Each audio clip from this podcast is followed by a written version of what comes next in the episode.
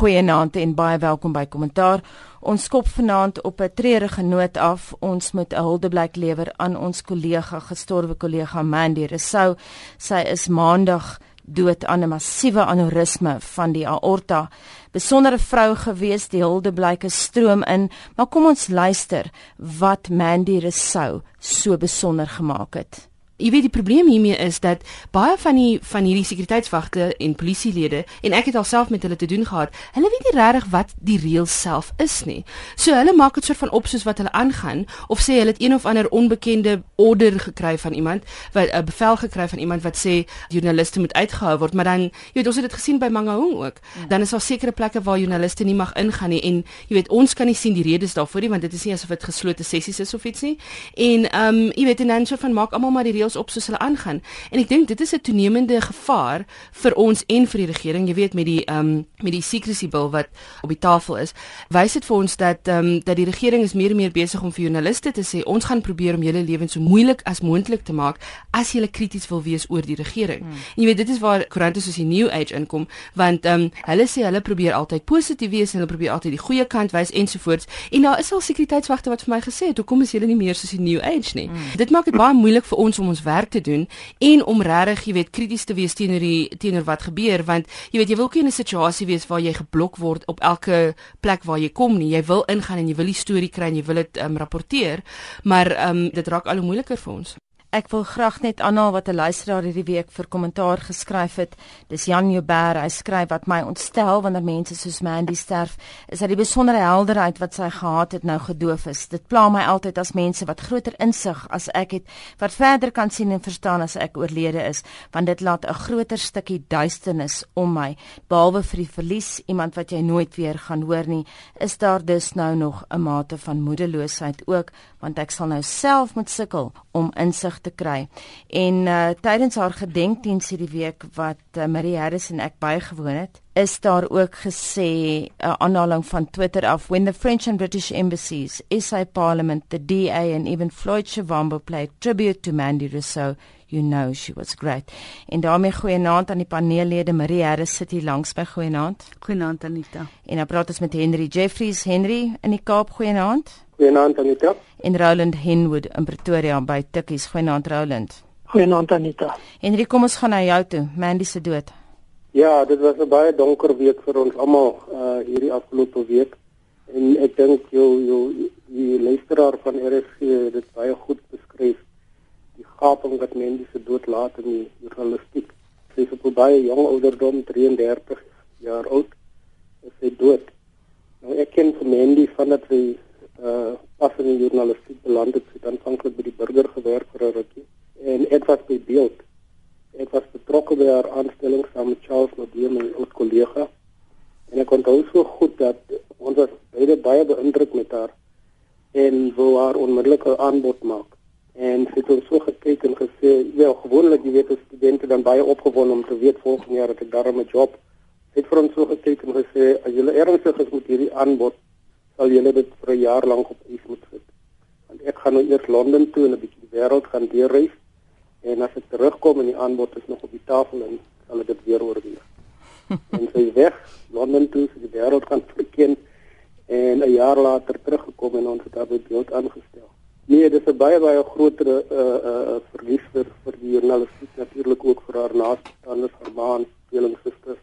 En gister by die begrafnis baie duidelik uh vir die gemeenskap van die Parel waar sy waar sy groot geword het, mense van so ver as Appington.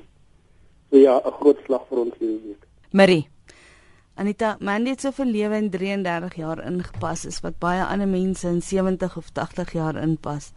Sy het voluit gelewe en wat ek van haar sal onthou is definitief haar lewenslus, haar joie de vivre. Dit was altyd vir haar 'n vreugde om haar werk te doen haar lewenslus, haar energie, haar intellek en haar integriteit. Ons gaan haar almal mis. En natuurlik ook haar sin vir humor. Een van die goed wat die week uh, gesê is tydens die gedenkdiens was wel, ek dink Waldemar Pelser, rapport se redakteur het gesê, um, Mandy het altyd gesê sy hou van haar vriende wit en bitter. Nee, vinnig vinnig oor na jou toe Roland. Ja, ek dink 'n uh, ander belangrike aspek miskien is die bydrae wat sy nie net gemaak het in die Afrikaanse pers nie, maar ook iemand wat begin het om 'n groot rol te speel in die Engelse media in Suid-Afrika en natuurlik ook in die buiteland gereeld verslag gedoen het oor gebeure in Suid-Afrika. En dit wys die kwaliteit van die werk wat sy gedoen het en die tipe persoon wat sy was. Ek moet sê meeste van haar haar wit Suid-Afrikaanse vriende was baie geamuseerd oor die feit dat sy soos haar koffiehouse van haar vriende wit en bitter. Mandy was allermins bitter. Kom ons uh, luister gou hoe sy gegroet het die laaste keer toe sy die 20ste Januarie op kommentaar was. Dis gee die laaste woord vir jou vanaand. Anita, ek wil net 'n bietjie dit vorentoe gooi. Jy weet volgende week is daar die Afrika Unie beraad en um, dit sal die eerste een wees waarin Nkosazana Dlamini Zuma die voorsitter voor sal wees. Sy was in haar um, toe sy uh, um, vir haar pos uh, um, aangestel is, was sy baie sterk daarop dat um, jy weet die Franse invloed in Afrika of die westerse invloed in Afrika moet verminder word ook op die AU wat natuurlik baie geld kry van die Europese Unie en Amerika. Nou basies sê sy, jy weet dit is oukei okay, dat um, Frankryk wat natuurlik ondersteun word deur Duitsland Duitsland en deur Italië ensovoorts dat hulle nou uh, so betrokke is by Mali. So ek sien baie daarna uit om te sien hoe hierdie beraad die kwessie gaan bespreek. Baie dankie dit aan Mandy de Sou, sy is die internasionale korrespondent vir City Press. Baie dankie. Dankie Anita. Daarmee tyd om aan te beweeg na ander stories toe. Kom ons gaan na Zimbabwe toe in die referendum. En uh, hiermee oor na ons politieke ontleder Roland. Ek het uh, vroeër vandag met Tankie Motai van Sadek gepraat. Alles redelik tevrede. Dit was vreedsaam alhoewel die stempersentasie laag is. Daarom nie op die platteland nie. Mense het daar wel gaan stem. Ja, ek dink dit is 'n probleem om mense in Zimbabwe opgewonde te kry oor enigiets wat met die politiek te doen het op die stadium. Selfs iets so belangrik soos die verkiesing dit klink asof dit nie 'n veldtog is wat vreeslik baie publisiteit gekry het as gevolg veral van finansiële beperkings en aan beide aan die kant van die verkiesingskommissie maar ook partye se vermoë en dan ook die vermoë van kiesers om toegang tot media te kry. Mense wat nie kan koerante koop nie, wat nie radio's het nie, wat nie internet toegang het nie, is tot 'n groot mate afgesny van die proses wat eintlik hierdie referendum moes onderlê. So dit is alles faktore waarom die stempersentasie redelik laag sal wees. En dan dink ek die dood eenvoudig die realiteit van mense wat sê voet geskry nou nog 'n grondwet. So wat? Wat verander? En en ek dink dit is 'n teken van redelik die die die donker gat waarin Zimbabwe se hulle polities bevind. Kom ons bly vir 'n oomblik by die spesifieke referendum en waaroor dit gegaan het. Jy het nie 'n lang relaas te generaal net die vinnig die hoofpunte van wat die veranderings behels vir die wat nie weet nie. Die belangrikste punte vir die referendum is natuurlik die goedkeuring van 'n nuwe grondwet en en dit is 'n historiese resultaat van vorige pogings van president Mugabe om die grondwet te wysig wat verwerp is en wat gelei het tot die gewelddadige verkiesings en die konflik in Zimbabwe sedert 2000. Die belangrikste punte van die nuwe grondwet is dat daar 'n demokratiese konstitusionele staat tot stand kom, dat daar uh, skeiding van magte sal wees dat daar baie sterk klem gelê word op menseregte dat 'n onafhanklike verkiesingskommissie wat baie meer onafhanklik is gestig word wat verkiesings moet reguleer dat daar 'n perk geplaas word op die amptetermyn van die president twee 5 jaar termyne dat daar 'n kommissie op tot stand moet kom na die inwerkingstelling van die grondwet om nasionale voorsiening moet bewerkstellig wat moet teruggaan na die gebeure van die verlede en die konflik wat daar was. So dit is maar die basiese beginsels van 'n goeie demokratiese grondwet wat hier op die tafel is. Die kwessie natuurlik is tot watter mate en hoe maklik dit gerealiseer gaan word. Hendrik, kom ons gaan na jou toe. Antoni van Nieuwkerk het gister op naweek aktueel ook kritiek gelewer oor die feit dat Zimbabweërs oningelig is oor wat die veranderinge gaan behels. Ja, dit is baie waar en ek dink dit dit het 'n negatiewe impak op op die hele proses. Maar jy weet ek probeer altyd om te kyk waar die silwer randjie hier. Zimbabwe het 'n uh, uh, klomp jare gelede hulle Suid-Afrika oomblik gehad en 'n gemors daarvan gemaak. ZANU-PF het uh, hulle oppositielede en oppositiekiesers geïntimideer en uitgemoor en al die lelike goed wat Zimbabwe voor bekend geraak het. Maar tog gaan dit die land iewers sy kop op oplig en ek sien hierdie referendum van gister as dalk so 'n geleentheid nou. Dit is nie perfek nie. Ek dink nie enigiemand het verwag dat dit perfek gaan wees nie. Die enkelike belangrike ding is wat die referendum Zimbabwe voor voorberei en dit is die verkiesing wat veronderstel is om later vanjaar gehou te word. Mm. En 'n mens kan nou net hoop dat anders as met die vorige verkiesing wat waarin Sangara in die tweede ronde net teruggestaan het om te keer dat die geweld nie hand uitdruk nie. dat jy met die komende verkiesings 'n ander situasie gaan hê en 'n heeltemal ander benadering deur die streeklande in, in, in Suider-Afrika, veral Suid-Afrika en dan natuurlik die internasionale gemeenskap om te kyk of Zimbabwe nie hierdie keer behoorlik gehelp kan word om 'n behoorlike demokrasie in te stel. Ons het nou gepraat, ek wil 'n vraag aan uh, Marista. Ons het nou gepraat oor kritiek van Antoni van Nieuwkerk se kant af oor die feit dat mense oningelig was oor wat die veranderings behels. Maar daar was ook kritiek van Pieter van Dalen van die DA. Ek het vroeër vandag met hom gepraat. Hy is deel van die Suid-Afrikaanse feite sending en hy het gesê dis ook vir hom vreemd dat almal wat uh, waarnemerstatus wou hê moes 10 dollar betaal. Hy sê in 'n land waar mense nee, is baie geld het nie dink hy um, dit is 'n punt van, van kritiek van sy kant af. Kommentaar. Ja, daar was natuurlik voor die voor die referendum ook baie ehm um, uh clampdowns op die uh, waarnemers in die land en op die NGOs in die land wat belang gestel het in die resultate van die referendum. Baie van hulle het nie waarnemerstatus gekry nie. Baie van hulle het nie die hele kwessie oor die burgerlike samelewing wat belang gestel het in die resultate was nie in ag geneem nie. En tweedens dink ek die kwessie oor die geld natuurlik. Ehm um, Tenda BT het genoem dat hulle net die helfte van die 700 miljoen gehad het wat hulle nodig het vir ja. die verkiesing of vir die referendum. Natuurlik was dit nou 'n manier om 'n bietjie geld bymekaar te maak, maar die waarnemerstatus kwessies was 'n baie groot saak.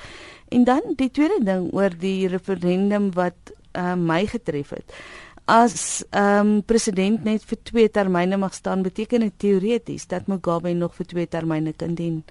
Op die ouderdom van 89 dink ons nie dis noodwendig moontlik nie maar teoreties is dit wel moontlik dat hy dit kan doen. En ek dink dit gaan 'n uh, slegte invloed op die geloofwaardigheid van die hele proses hê.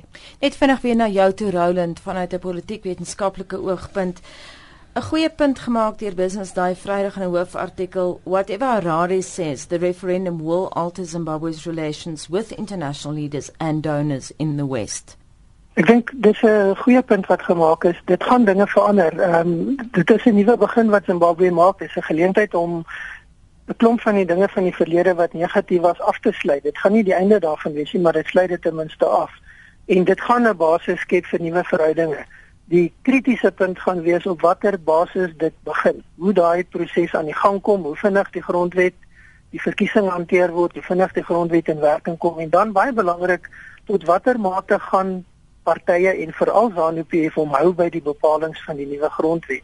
En ek dink een van die onderliggende spannings wat hier aanwesig is, Dis die praktyke van 'n party soos ZANU-PF wat die vorige grondwetlike struktuur tot niet gemaak het, nie die grondwet self wat defek was nie. En daai praktyke gaan moet verander word en dit gaan bepaal tot watter mate nuwe verhoudinge vorentoe geskep word. So die die skep van 'n nuwe grondwet is 'n baie belangrike begin. Maar die politieke praktyke wat saam met daai grondwet in die stelsel ingebring word, wat gaan ZANU-PF met leierskap maak? Dat leierskap opvolging is 'n krisis in Zimbabwe. Mugabe kan nie nog twee termyne dien nie.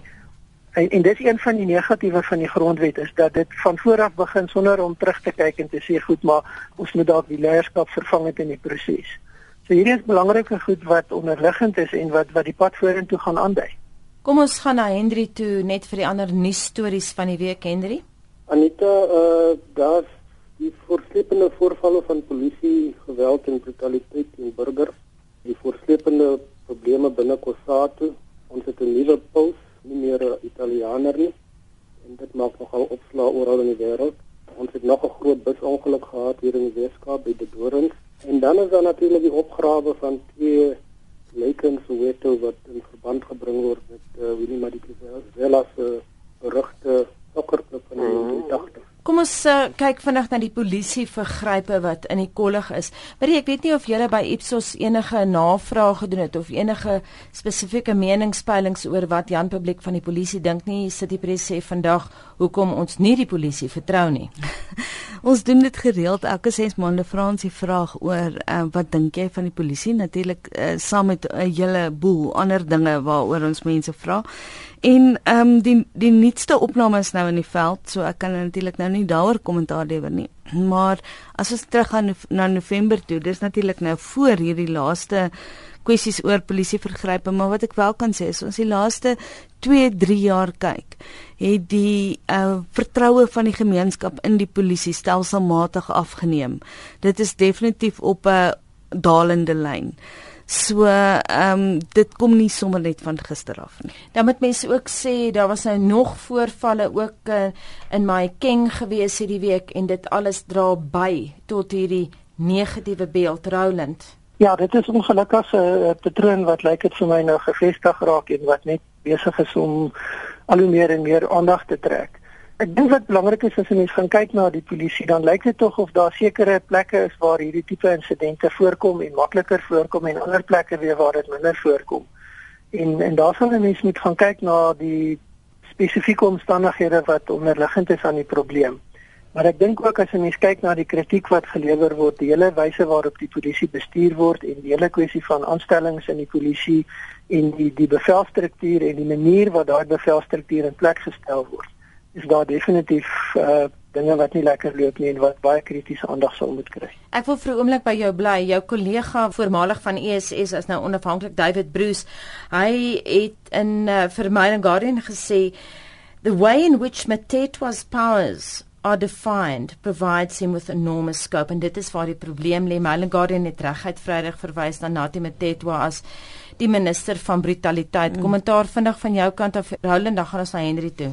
Ja, ek dink dis 'n dis 'n ongelukkige verwysing om dit net aan een persoon te gaan koppel want die indruk wat dit skep is haal hom uit en jy die probleem opgelos. Dieselfde fout is gemaak met die aanstelling van die vorige polisiekommissaris.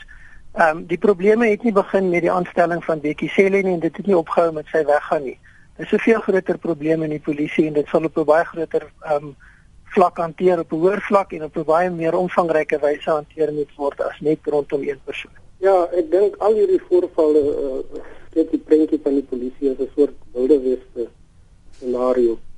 Ek dink die probleem lê by die leierskap aan twee kante, die leierskap, die politieke leierskap en aan die ander kant die leierskap binne die polisie. Dit lyk werklik asof eh uh, polisie amptenare dink dat hulle kan maak en breek net hulle wil.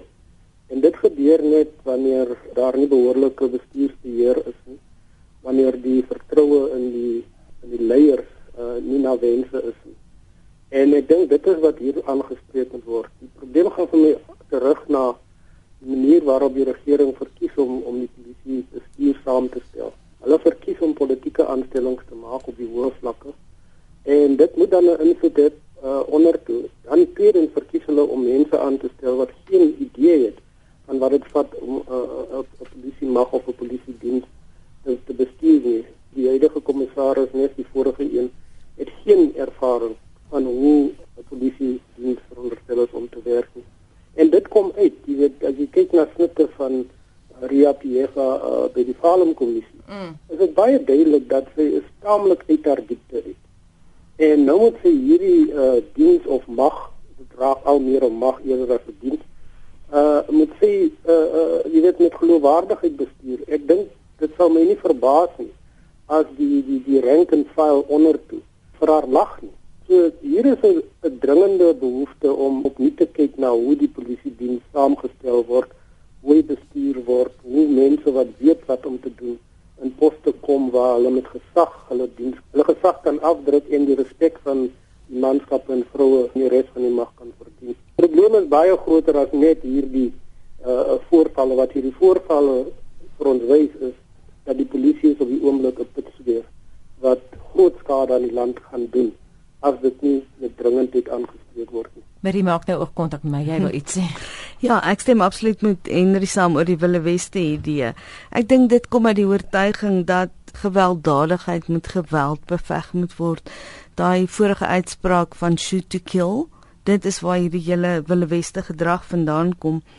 Tweedens dink ek uh, dat die polisie nie genoeg aandag gee aan rekrutering nie, want in hierdie stadium in die ou dae moes mense matriek gehad het. Jammer vir die verwysing na die ou dae. Mm. Maar polisie amptenare moes matriek gehad het. Hulle moes nie 'n kriminele rekord gehad het nie en 'n bestuurslisensie gehad het. Nie een van hierdie dinge is meer 'n uh, vereiste nie. Hulle kyk byvoorbeeld nie eers of die aansoeker 'n uh, kriminele rekord het nie. Mm. Ek dink dit is baie baie sleg op hierdie stadium is 14000 polisiebeamptes net in Gauteng en KwaZulu-Natal het klagtes van kriminaliteit teen hulle. Dit is ongelooflik hoog. En iemand het in die pers verwys na die bad apples. Ek dink nie dit gaan oor bad apples nie. Ek dink die hele woord is vrot. Dis nie net 'n paar vrot appels nie dan ook oor Ria Piega in hierdie stadium lyk dit vir my en dit is 'n kwessie wat my baie na in die hart lê.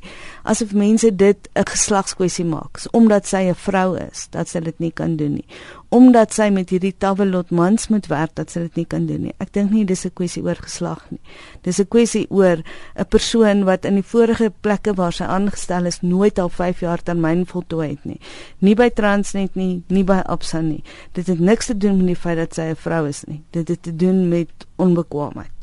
Nou ja, dit sal nie die laaste keer wees dat ons oor die polisie praat op kommentaar nie, maar ons moet kyk na ander stories van die week ook.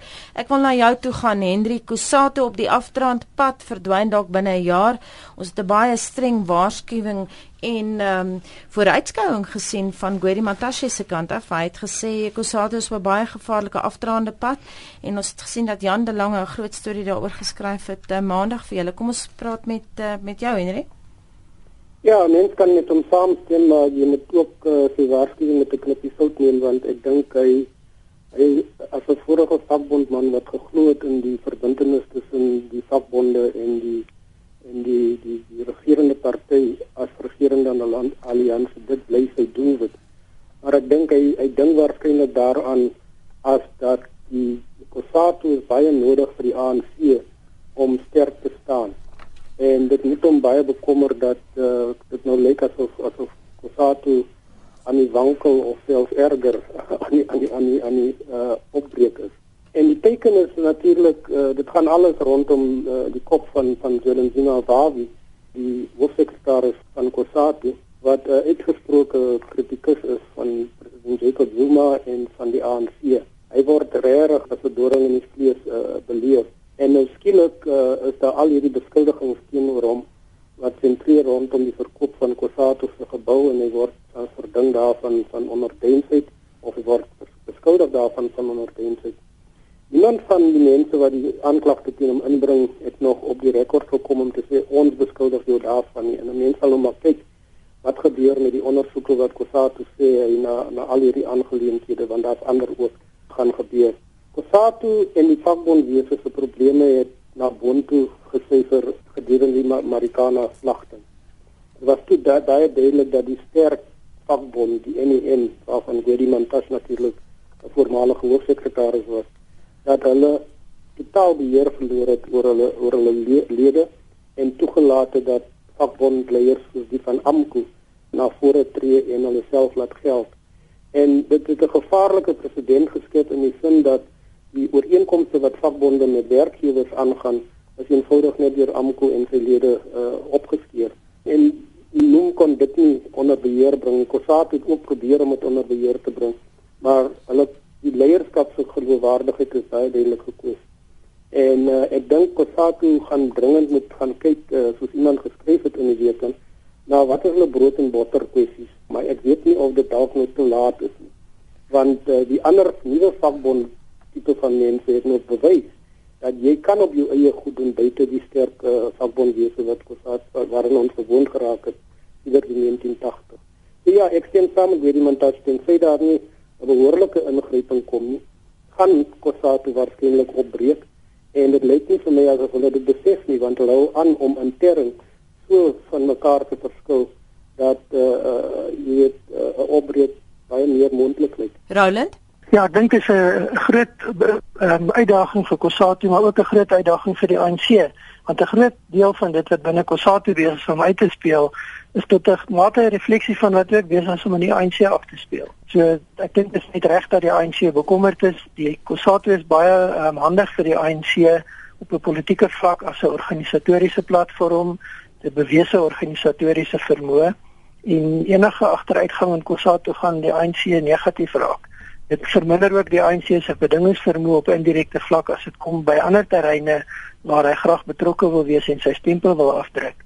En natuurlik die feit dat COSATU al hoe meer gesien word as 'n vakbond wat die staatsdiens in die breë verteenwoordig, reduseer die ANC se vryheid van optrede want hy begin al hoe meer beperk word tot die openbare politieke spektrum en hy verloor toegang en mag veral binne die breër ekonomiese konteks deur middel van 'n organisasie soos COSATU.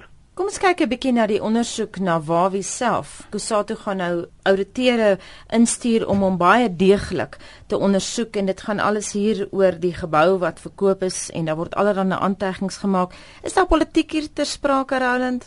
Of dink jy Wawi uh, Wawi is dalk skuldig? Die fluisteringe binne Kusatu sê dit is 'n politieke veldtog, dat is die nalatiging van die Mangaung konferensie, dat dit is die einde van die ehm um, gereelde verkiesing wat Kusatu gehad het verlede jaar by sy leierskapsverkiesing om eenheid voor te hou en dat dit nou 'n skoonmaakproses is. Daar is mense binne Kusatu wat sê dit is tyd vir so 'n ondersoek en dat en en en wys daarop dat die ondersoek gaan oor meer as net die verkoop van die gebou en finansiële bestuur. Dit gaan ook oor ander aspekte van van hoe dit met die vakbond gestel is en hoe die vakbond in die breë geposisioneer en bestuur word. So dit is maar die twee breë um, beskouinge wat op die stadium is. Marie, wel by die afsluiting van die Kusatu konferensie dink ek het waar we probeer om geloofwaardigheid te herwin en bietjie terug te krabbel. Hy het genoem dat daar baie stakings hierdie jaar gaan wees omdat hy die hele kwessie oor minimumlone vir plaaswerkers wil 'n nasionale kwessie maak nou sonder verwysing daarna dat hy baie min te doen gehad het met die instelling van die minimumlone vir plaaswerkers en hy het gepraat daarvan dat hy teen 2014 'n minimumloon vir Suid-Afrika ingestel wil hê 'n minimum van R4000. Nou as 'n mens daaraan dink dan gaan daar geweldige werksverliese wees. Is mm. is dis 'n noodwendige uh, gevolgtrekking en hy dan natuurlik ook verwys na die drie kwessies waarop Kusato hamer, ehm um, armoede, werkloosheid en ongelykheid wat ek dink vir ons almal ons almal sal saamstem dat hierdie drie baie groot probleme in die land is. Maar my mening is dat Kusato nie noodwendig ten gunste van werkskepping is nie. Hulle is ten gunste daarvan om die belange te beskerm van die mense wat hulle lede is. Mm. En nie noodwendig ten gunste of selfs 'n kampvegter vir mense wat nie werk het nie. Kom ons gaan vinnig weer terug na jou toe Roland. Tim Du Plessis skryf hierdie week wat Mantashe nie gesê het nie, is dat Wawi die eintlike probleem vir die ANC is nie so seer vir Kusatu nie. Die projek van Zomafikasie behels dat Kusatu 'n Hansie my knegg van die ANC word en Wawi staan aan die pad daarvan.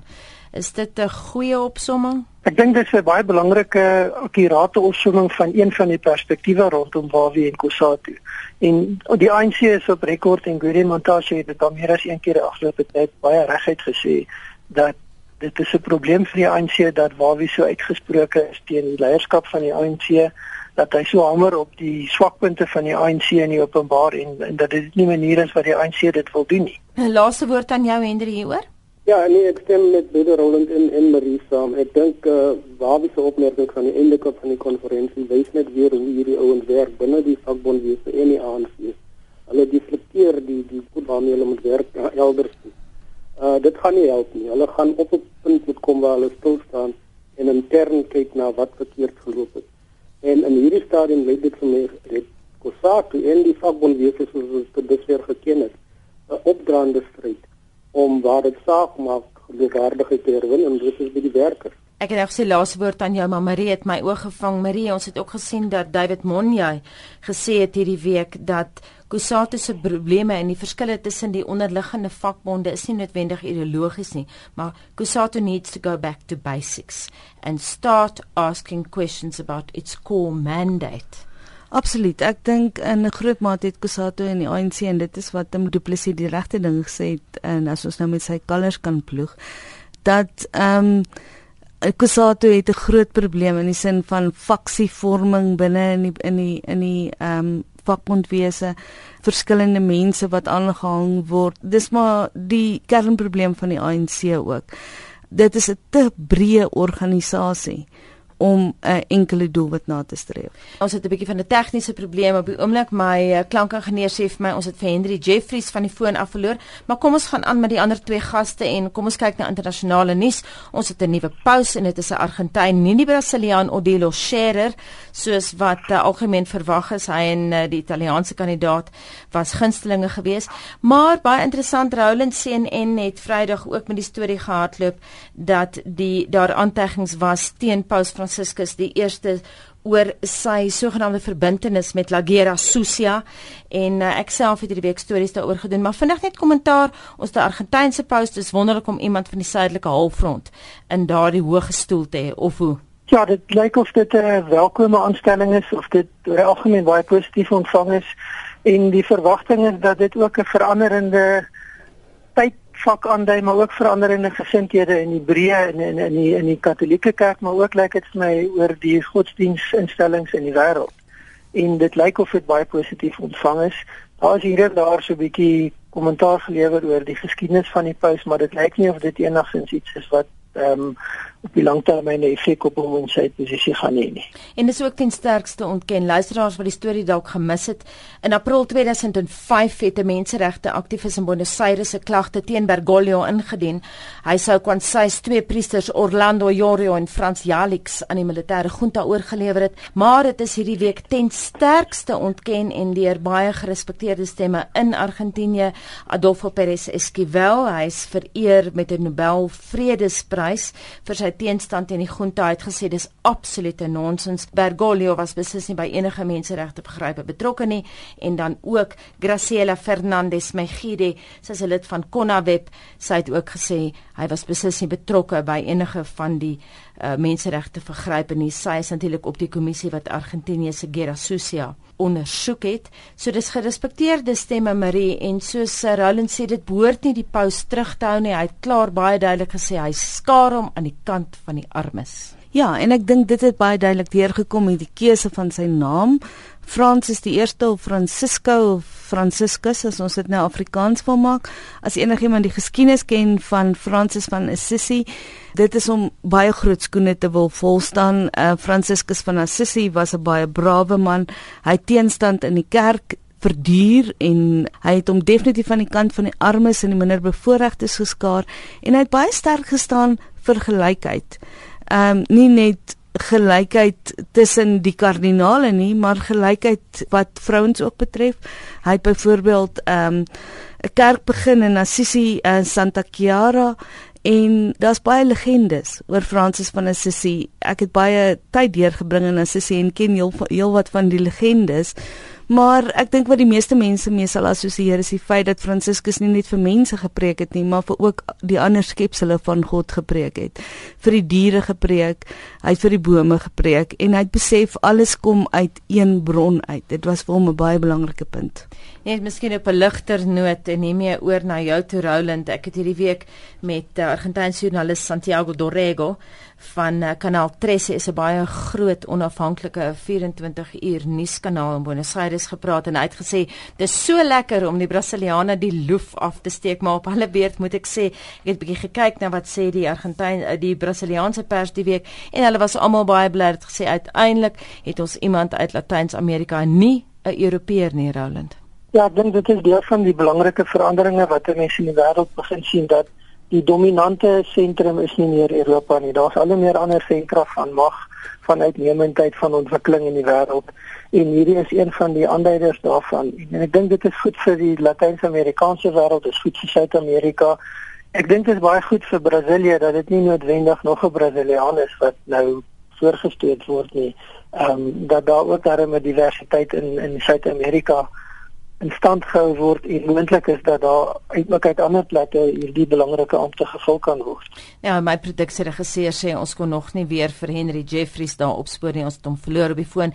Maar jy moet ons haltroep. Uh, dankie aan Henry Jeffries in sy afwesigheid vir sy deelname en dan ook baie dankie aan Marie Harris vir jou insette veral oor Assisi. Dit was baie interessant. Dankie Anita.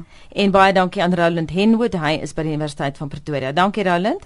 Dankie Anita.